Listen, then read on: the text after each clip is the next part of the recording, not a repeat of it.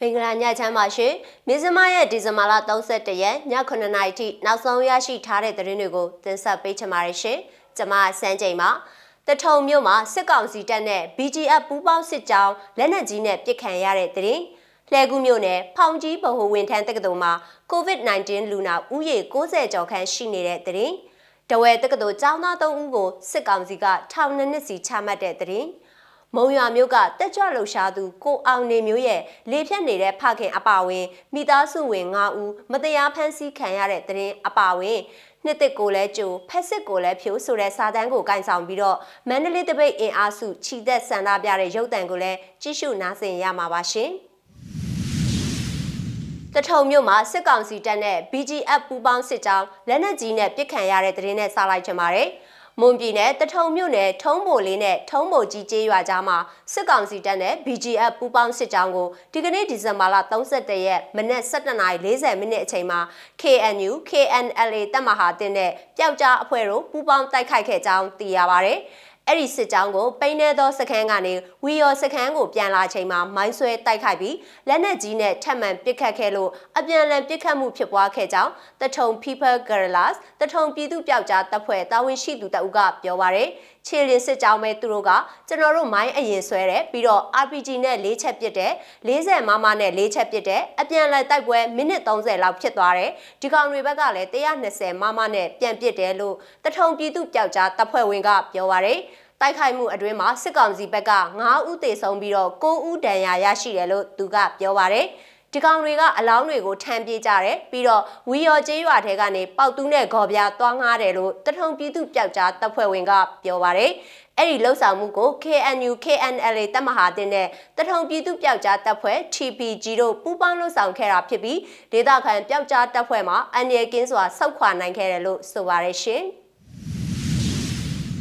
ဖောင်ကြီးဗဟိုဝင်းထန်းတက္ကသိုလ်ကသတင်းနဲ့ဆက်ချင်ပါတယ်။ရန်ကုန်တိုင်းဒေသကြီးလှဲကူးမြို့နယ်ဖောင်ကြီးဗဟိုဝင်းထန်းတက္ကသိုလ်မှာတက်ရောက်နေတဲ့တင်တန်းသားတင်တန်းသူတွေနဲ့ဝင်းထန်းတချို့မှာ COVID-19 အတည်ပြုလူနာအများပြားရှိနေကြောင်းအဆိုပါဗဟိုဝင်းထန်းတက္ကသိုလ်နဲ့နှိဆက်သူကဆိုပါရယ်စစ်ကောင်စီလက်အောက်ခံကျန်းမာရေးဝန်ကြီးဌာနကလည်းလှဲကူးမြို့နယ်မှာ COVID-19 အတည်ပြုလူနာ62ဦးတွေ့ရှိကြောင်းမနေ့ကဒီဇင်ဘာလ30ရက်ရက်စွဲနဲ့ထုတ်ပြန်ထားပါရယ် အမိမဖော်လို့တဲ့ဗဟိုဝန်ထမ်းတက္ကသိုလ်နဲ့နီးစပ်သူတဦးရဲ့အဆိုအရအဆိုပါထုတ်ပြန်ချက်ပါစည်ရင်းတွေမှာတက္ကသိုလ်ဝင်းအတွင်းရှိယောဂပိုးသွေးရှိသူတွေရဲ့စည်ရင်းများတာဖြစ်ကြောင်းမြစမရဲ့မေးမြန်းမှုကိုပြန်လည်ပြောဆိုထားပါတယ်။တင်တန်းသားကစသွေးတာအခုတရတလောက်ကတော့တရားကျော်သွားပြီဖြစ်တဲ့လူတွေကိုအဲ့ဝင်းထဲမှာပဲတည်တံ့ထားတာပါလို့ဗဟိုဝန်ထမ်းတက္ကသိုလ်နဲ့နီးစပ်သူကဆိုပါတယ်။စစ်ကောင်စီလက်အောက်ခံဖြစ်တဲ့ကျန်းမာရေးဝန်ကြီးဌာနရဲ့ထုတ်ပြန်ချက်မှာ COVID-19 ရောဂါပိုးသွေးရှိသူတွေလို့ဖော်ပြထားတာဖြစ်ပါတယ်။လက်တလောဖြစ်ပေါ်နေတဲ့ COVID-19 မျိုးကွဲတဲ့ Omicron virus ဟုတ်မဟုတ်ကိုတော့သတင်းအတည်ပြုနိုင်ခြင်းမရှိသေးပါဘူးရှင်။တဝဲတက္ကသိုလ်ကျောင်းသား၃ဦးကိုစစ်ကောင်စီကထောင်နှစ်စီချတဲ့တဲ့ရင်ကိုလည်းတင်ဆက်ပေးပါမယ်ရှင်။ ဒဝဲမြို့မှာစစ်အာဏာရှင်ဖီဆန်ရေးတက်ကြွလှုပ်ရှားသူဒဝဲတက္ကသိုလ်ကျောင်းသား၃ဦးကိုမနေ့ကဒဝဲအကျဉ်းထောင်တွင်တရားရုံးကအပိသက်အမိန့်ထောင်ဒဏ်နှစ်နှစ်စီချမှတ်လိုက်ကြောင်းဒဝဲနိုင်ငံရေးအကျဉ်းသားများကွန်ရက်ကထုတ်ပြန်ထားပါတယ်။ဒဝဲအကျဉ်းထောင်တွင်တရားရုံးကအမိန့်ချမှတ်ခံရသူတွေမှာကိုစိုးပြေအောင်မဆိုးမီမီကျော်နဲ့မရှားပြေခင်တို့ဖြစ်ပါတယ်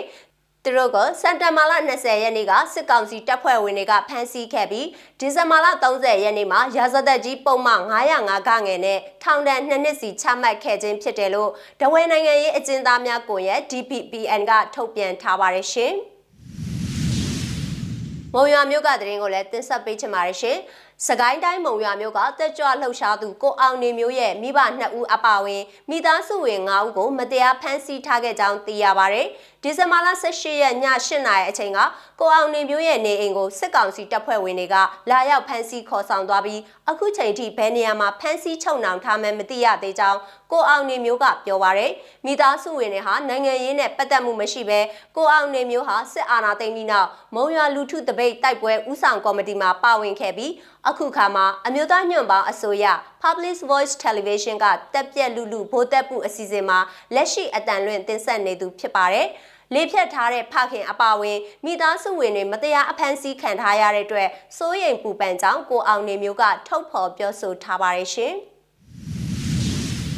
နောက်ဆုံးတင်ဆက်ပေးခြင်းတဲ့သတင်းကတော့နှစ်သက်ကိုလည်းကြိုဖက်စစ်ကိုလည်းဖြိုးစာတန်းကိုကန်ဆောင်ပြီးတော့ဒီကနေ့ဒီဇင်ဘာလ31ရက်နေ့လယ်12:45မိနစ်အချိန်မှာမန္တလေးမြို့လယ်ကောင်မှာမန္တလေးတပိတ်အင်အားစုကဥဆောင်ပြီးတော့စစ်အာဏာရှင်စန့်ကျင်ကြောင်းတက်ညီလက်ညီခြိသက်ဆန္ဒပြခဲ့ကြပါတယ်။ရုပ်သံဖိုင်ကိုလည်းဖွင့်ပြချင်ပါတယ်ရှင်။